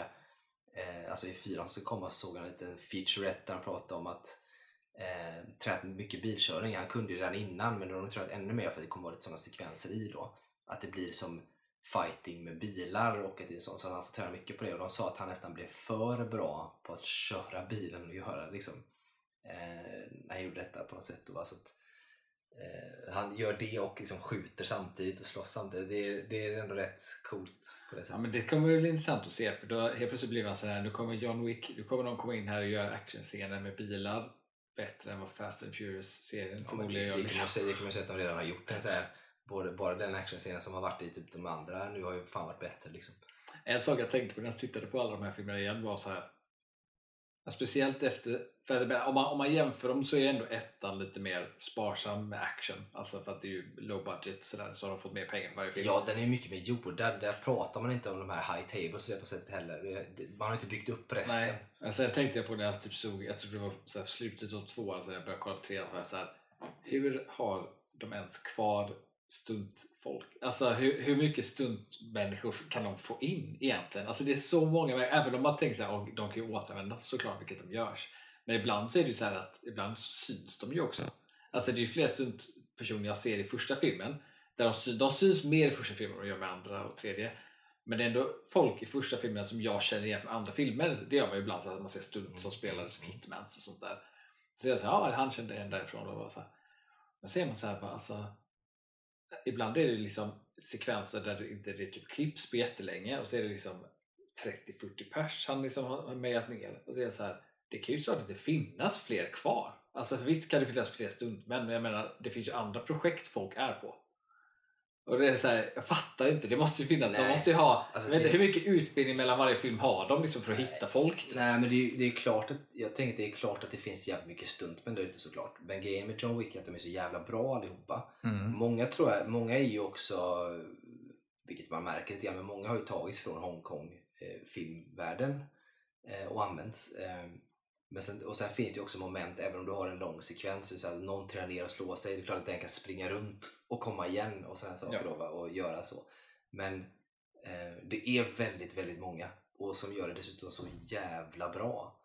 Eh, Så att man blir ju lite förundrad. Och det kan jag tänka att andra filmer som har sämre action kanske är just därför. Alla jobbar på John Wick-projektet. För det måste ju vara mycket, mycket Ja, roligare att ja, jobba exakt. där än på något annat. Ja, det känns som att de, eftersom de tar actionen så seriöst så är det också att säkerheten viktig. Mm. För det har man ju hört många gånger att liksom säkerheten har lackat i vissa projekt och sånt. Men det känns som att man som stuntperson förmodligen känner sig rätt safe i vad man gör. Kan ju fråga Alec Baldwin. Ja, exakt. Men jag tyckte en sak som är kul också i, i eh, trean, som också är så väldigt meta, är de här två han slåss mot, eller, eh, eller det är främst den här japanen då som har ett eget team. Mm. Eh, och han japanen är ju konstig som han är. Men så har ni de här två snubbarna som är, är, är jättekända stuntkoreografer själva. Från eh, Thailand tror jag. Och de som varit med och gjort de här med han. Bak, eh, Ja precis. Med han. Eh, och där är också så här, han, han, han tekniskt sett vinner ju över dem i filmen. Men det är också så här, han lämnar ju dem och de typ fake, de spelar döda typ. Eh, och där är också så här att filmen är meta för där visar de så här att de vill inte säga att det de gör som stuntteam är bättre än vad de gör. Utan vi är bra båda två. Bara att nu råkar det vara min film typ. Så att nu är det bara så här så att vi har respekt för varandra. Jag, tycker, jag älskar den här metan liksom. Ja, jag håller med dig. Det där tycker jag är så jävla coolt när man, när man gör sådana saker. Jag tänker på att det är ju ändå det är ju väldigt stor respekt. Det, är- Ja. det är schysst när man gör så på ett sätt att man, liksom, man, man dödar inte varandra. Utan man, Det ska bli intressant att se i fyran med Donnie Yen där. och Och, där så och att där är även han, eh, kommer jag ihåg vad han, han japanen heter? Nej, inte jag heller. Men, Som är med i typ The Last Samurai och, och massa filmer. Han var ju med i Bullet Bullet, Train, Train, ja. Bullet Train där. Ja, Eh, precis. för de två är ju båda eh, kända liksom. eh, och har varit med i mycket martial arts filmer liksom. Ja, framförallt Donnie Yen. Alltså, Donnie, Yen. Donnie Yen är ju, ska jag nog säga, det är min absoluta favorit martial artist i, genom alla tider tror jag. Och det, då konkurrerar han ändå med så Bruce Lee och Jackie Chan och sånt. Men jag tycker att han är makalöst jävla bra. Och det är inte så många i västlandet som, som känner till honom så väl. Men han har gjort så fruktansvärt mycket och är så jävla duktig Mm. eh, på kampsport. Och där är en sån här grej att på ett sätt så kan jag nästan visa att jag hoppas, alltså där, där hade ju, tänker jag att John Wick måste stöta på patrull. Mm. Det finns nämligen lite så här, jag ska inte säga att det finns en klausul, men det finns en liten sån här liten ego i, i Donnie Yen där också. Eh, men det tror jag också. Vilket jag har väldigt svårt att se att han bara skulle liksom fallknall hur som helst. Jag tänker snarare så att det, han kommer liksom inte dö, det kommer lösa sig på något annat sätt. Eller att han går med på John Wick eller vad som helst. Eller att han är typ han är den mest kända förutom John Wick. Alltså någonting sånt är det för Don Yen är så makalöst bra och stor inom det här. Ja, jag ska bli, det ska bli så jävla intressant att se. Det finns sådana historier om Don Yen som, som tydligen är sann. Det, jag tror att jag berättade den innan kanske. Men som man kan ha med sig. För att man brukar prata om folk som är kampsportare på film kan vara så att men de, kanske, inte- de kan inte försvara sig på riktigt. Eller sådär. Eh, och alla de här typerna av kampsporter. Don Yen kan ganska många kampsporter och har hållit på med det i hela sitt liv. Eh, han idag, det ser man ju inte och tänker inte på honom för han ser sett ut som värsta muskelknutten på något sätt. Men han, har, han tränar varje morgon. Han är sjukt reko kille. Han, är, han, är, han sköter sig bra liksom. Och är as, tränar hårt och alla de här bitarna. Då. Han har haft roller där han gått upp i vikt och blivit biffig. Han har roller där han är lite mindre som i typ Ip Man-filmerna när han liksom eh, kokat ner och sådär. Men han är sjukt vältränad. Eh, relativt gammal nu också och sjukt duktig. Men han har ju då, eh, vad jag förstår, eh, helt sant, eh, när jag gjorde lite efterforskning på det, nu ska man ju inte säga för det är inte forskning så att jag sett det med egna ögon, men när man läser på om det så är det så att för några år sedan när han var utanför, det var någonstans utanför Asien, jag kommer inte ihåg om det var typ England eller Frankrike eller USA eller någonting, så var han och hans fru ute och höll på att bli rånade eller något liknande då. Va? Och, så där. och då hade han, på riktigt har han alltså spöat sex killar liksom i det här. Och det är liksom, man tänker att filmskådare, de, de löser inte de bitarna men han är faktiskt så pass duktig kampsportare på riktigt. Han har ju dessutom tävlat på riktigt också Ja. sådana saker. Att han faktiskt eh, löste dem. Liksom. Det tycker jag är lite coolt. Mm. Och någonting som jag skickar med som att det är total sanning. Eh, lite efterforskning så, så har, det, har jag inte hittat att det inte skulle vara sant utan det Mm. verkar vara sånt som se, seglivad myt om det är en myt. Annars Ja. väljer jag att tro på det för att han är så jävla duktig. Men bara det lilla man ser i trailern när man ser John Wick och Donnie Yen, deras karaktärer mötas liksom i, i det lilla man får se i trailern så är man bara såhär, åh fan jag vill se hela deras sekvens. Ja, skoja inte. Alltså han har sån kroppskontroll Don igen så det är helt sinnes. Alltså, fan vad bra han är. Men det är också någonting jag tycker är så jävla roligt också, alltså från eh, ett svenskt perspektiv är ju ändå att ja, del då Mikael Nyqvist som inte är med oss längre, han är ju med i, i, första Första. Eh, spelar ryss såklart och så. Peter Stormare är med i tvåan spelar ryss och så nu är ju då en Skarsgård med i fyran. Ja, spelar fransman verkar det som. Ja. Spelar inte ryss. Eh, Och det är lite spännande. Det roliga var att när man tittar på trailern, det tänkte jag på när jag såg det. För att eh, det väl så Bill, jag gillar, jag gillar ju alla Skarsgårdar egentligen. Jag tycker att de är duktiga. Men Bill, eh, jag reflekterade över det när jag såg ett klipp från det nu när han sitter och pratar. Eh, och låter jävligt bra som fransk. Mm. I sin, det han pratar ju engelska men han har en, en fransk så här, eh, alltså annotation i det när han pratar. Och vanligtvis är det bara så här "Uh, You find this... Uh, så har en ganska dålig franska egentligen. Men han har fångat de här nyanserna som, är, som är, låter väldigt riktigt franskt när han pratar. Vilket jag tycker är jävligt bra bara. För då känns det inte som att det är en pastisch på en fransman. Nej. Lite grann som Peter Stormares eh, ryssar alltid där. Micke Nyqvist var ju inte lite så, han lät ju svensk i, i stora delar. Ibland var det lite ryskt. så här. Ja, alltså kän- Mikael, Mikael Nyqvist när jag, såg, när jag såg den, alltså fan vad man hör att han är Han, han, svensk. ja, han, var, han var lite, jag tror att han var lite ny i Hollywood då. Eller vad ska jag säga, eller ny i den världen. Så att just det här med att lägga på sig, han har liksom inte gått till dialektcoach eller sånt utan han har nog bara kört på och så väldigt tydligt svenskt. Ibland har, är det lite mer, jag tänker att det märks här vilket de spelar in först och sist i hans scener för det känns som att det, i vissa delar så är han, pratar han lite mer ryskt. Liksom så här, Och när det är, när det är ryskt är det ju väldigt klyschigt ryskt. Ja, det är det verkligen. Och samma sak Peter Stormare som spelar ryss så många gånger har gjort det så mycket. Men han kör ju sin den här Ja, som han ja, alltid ja, gör. Liksom, exakt. och låter rysk eh, på det sättet. Och det är också verkligen en pastisch på en ryss. Liksom. Men Eh, men det gör Bill Skarsgård jävligt bra tycker jag. Att han låter mm, bra. Fransk, bra brytning skulle jag säga. Det jag ser fram emot i fyran är ju där eh, mer av, man kommer ju få se mer av det high table. För jag fattar ju att Bill Skarsgårds karaktär är direkt från high table. Mm, eller, i alla fall, eller, eller väldigt nära high table. Ja, jag fattar det som att det är så. Men det är så jag tycker, för i trean så introducerar de ju den här The one who sits above the high table Mm. som är grundaren typ. Som är där ute i, någonstans i Nordafrika, Mellanösternområdet liksom. ja, någonstans. Va- Ja, jo, för att han, är ju, han åker till, Mar- till Casablanca är han. och sen därifrån eh, är han ute i öken sen och går. Ja. Så det borde ju vara Nordafrika någonstans. Eh, så där ser man, och jag tror att i trailern till 4 så ser man att han möter honom igen. Veta- frågan är, är det han? Ja men om den karaktären oavsett vem, om det är han eller inte, men Ja. sak samma. Det verkar i trailern så ser man att han, att han har en pistol riktad mot eh, en person som ser ut som den karaktären i alla fall. Ja, ja, ja. Ehm, så de, jag det var intressant att se liksom hur de pre- presenterar in då mer av den personen men också då de här olika sektionerna för då i tvåan såg vi ju att det finns liksom Italien inblandat i det high table. Vi vet att USA och New York är inblandat. Vi kommer se en eh, Ja- Ja- Japan, deras grej förmodligen då. Eh, förmodligen lite då från Kina med Donnie Yen och så har vi ju då Bill som en fransman där. Så det blir intressant att liksom se hur de ytterligare bygger ut att det high table är liksom världslig organisation ännu mer. Nej, det tror jag också kan bli coolt. Tänk om det slutar med att John Wick blir the one who sits above the high table. Ja. Det är väl inte helt omöjligt kanske. I, tra- I trailern hintas det ju till att hans familj sitter vid the high table.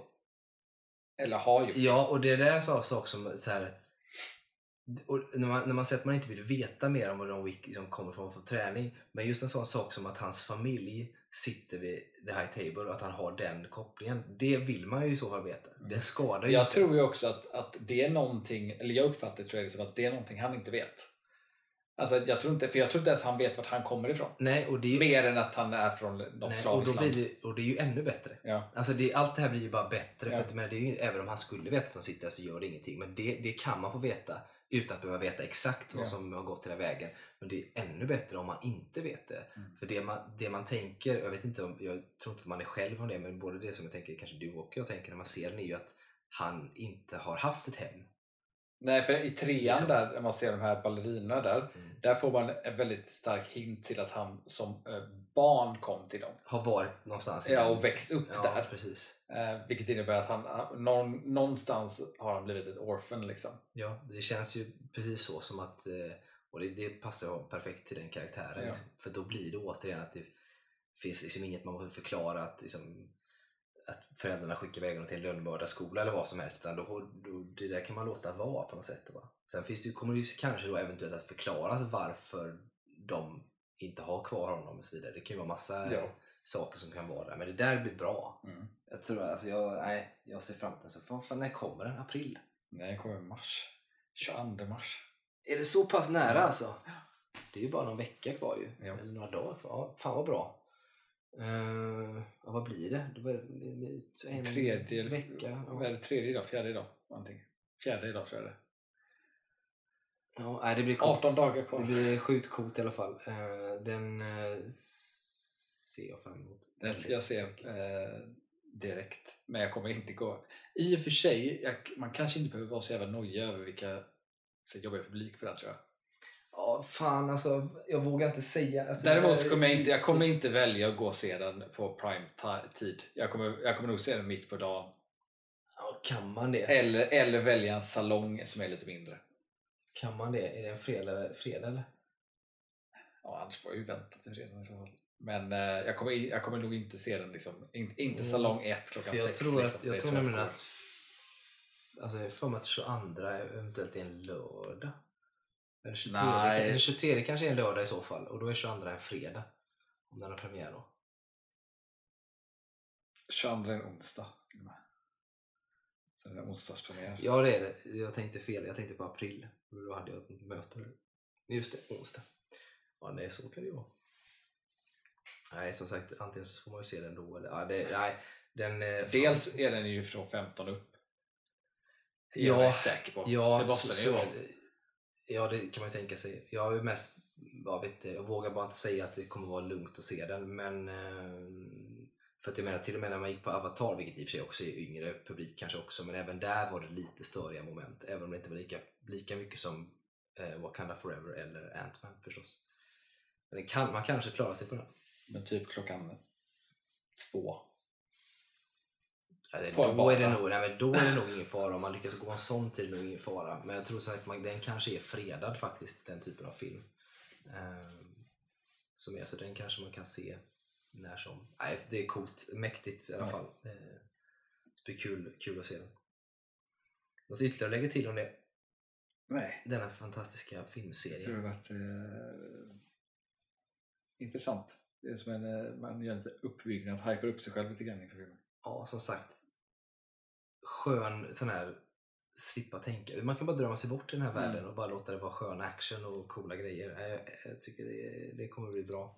Sen är det ju så passande. Alltså det finns ju ingen annan som kan spela den rollen än Keanu Reeves. Nej, verkligen inte. Det är ju som att den är gjord för honom. Han är ju inte världens mest nyanserade, duktiga skådespelare på det sättet. Nej. Men han, det här gör han ju så jävla bra. Ja. Det är på samma sätt som man spelar Neo. Alltså det är en ganska så här som nästan lite korkad kan man tycka ibland då, fast de inte är det. Men ja, det är inte så mycket facial expressions, det är ganska tom blick ofta liksom. Sen är det någonting också det här med att ibland ger det någonting till en film att man i alla fall bilden av skådespelaren att, att han verkar som en sån himla trevlig person. Mm. Speciellt med tanke på att man vet hur mycket jävla jobbiga saker han var med om. Med hans, eh, både hans hustru dog i en olycka och hans syster dog i cancer. Har det varit något sånt? Och så, han hade ju haft, han har haft vad är det, en, en, om en frun har dött där, syrran har dött och sen så var han tillsammans med någon och hon var gravid men de förlorade barnet Ja, också ja. och efter det skilde de sig för de kunde inte gå vidare och det händer Ja. rätt ofta. eh, Och sådär. Eh, Så han har ju varit med om en del Ja, skit liksom. Ja, han verkar ändå så himla liksom, down to earth och trevlig. Och att han är generös också. Han ger ju mycket till liksom, eh, olika så här, räddningsgrejer och olika typer av så här, hjälpa folk, hjälpa barn runt om i världen och sånt där. Ja, ja, och sen bara det här med att han ger gåvor till alla han jobbar med, Ja. typ stuntteamet och sånt som gör saker och de här klassiska eh, så, grejerna man ser att han, han åker på tunnelbanan Ja, som vanligt folk. mimen liksom. när han, är, när han sitter på tunnelbanan. och ja. sådär, och alltså, han verkar vara en liksom, schysst människa på det sättet och är ju verkligen ingen sån där som sticker ut och lever jättemycket i rampljuset heller. Liksom. Utan han har sitt lilla... Nej, Det, det, känns som att han väljer projekt han tycker om att göra. Och det är någonting med, när man vet att alla bakom är passionerade för någonting så det, det, är liksom, det ger mer. Ja, jag, jag håller med. Och just att eh, han väljer sånt som han själv tycker är coolt. Liksom. Och med allt det här, hans, alltså, han gjorde mycket innan också som man inte ska förringa som ändå är klassiker. Bill and Ted är ju klassiker till Ja, exempel. Bill och, och du har ju, eh, vad heter den, eh, med, med den klassiska alltså, uh, film, polis, eh, undercover, point, eh, point break Ah, ja, som man gör med. Patrick Swayze eh, där. Som också är en sån här bra film. Speed, bra film. Eh, Djävulens advokat. Djävulens advokat, också bra. Och, men det kommer till det för att alla de här Point Break och de, det gjordes ju under en tid när han liksom klättrade upp liksom, och var sådär. Och det var väl någonstans där han fortfarande kanske, om man ska vara lite hård då, att försökte skådespela. Alltså, och ha lite nyans och lite mer uttrycksfull kanske. Sen kom lite mer då eh, de här andra som kommer. Men det intressanta som jag tycker är så coolt är att både Djävulens advokat i Matrix-filmerna som gjordes och även eh, andra som kommer efter och även nu lite grann. Men framförallt i Djävulens advokat och Matrix så har han ju egna pengar liksom, lagt in pengar i produktion eller avstått lön. Mm. I Djävulens advokat avstod han ju lön för att få in Al Pacino. Mm. För att han ville jobba med honom. Och, Al Pacino kunde inte jobba annars. Så att han avstod lite av lönen för att han skulle vara där. Eh, och i Matrix så, så var det ju tal om att man inte kunde göra tvåan och trean.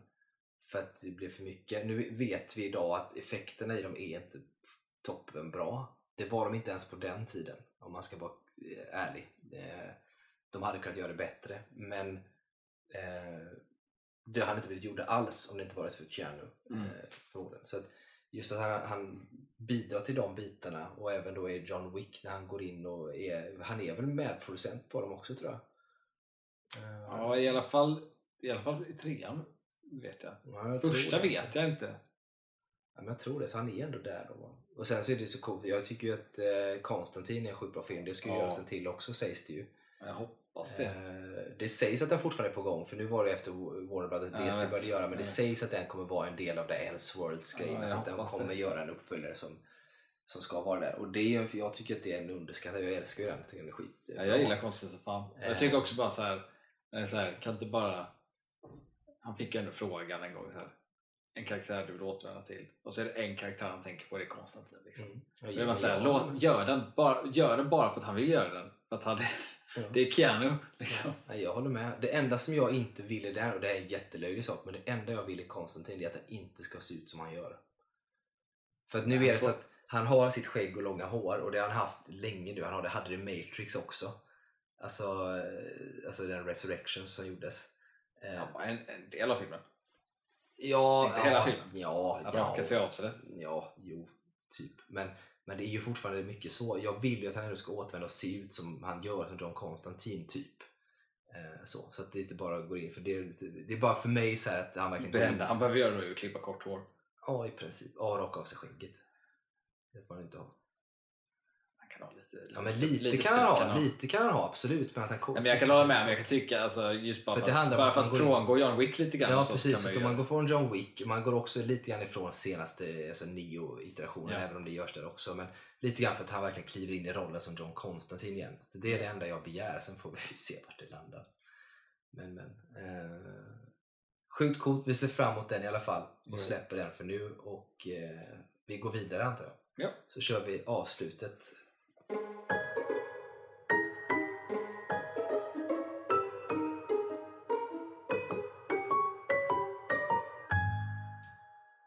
Och eh, denna gången så kör vi då eh, det som vi numera kallar för för eh, öde ö, fredagsmys eller skräp helt Ja. enkelt. Och den här gången så kör vi filmer.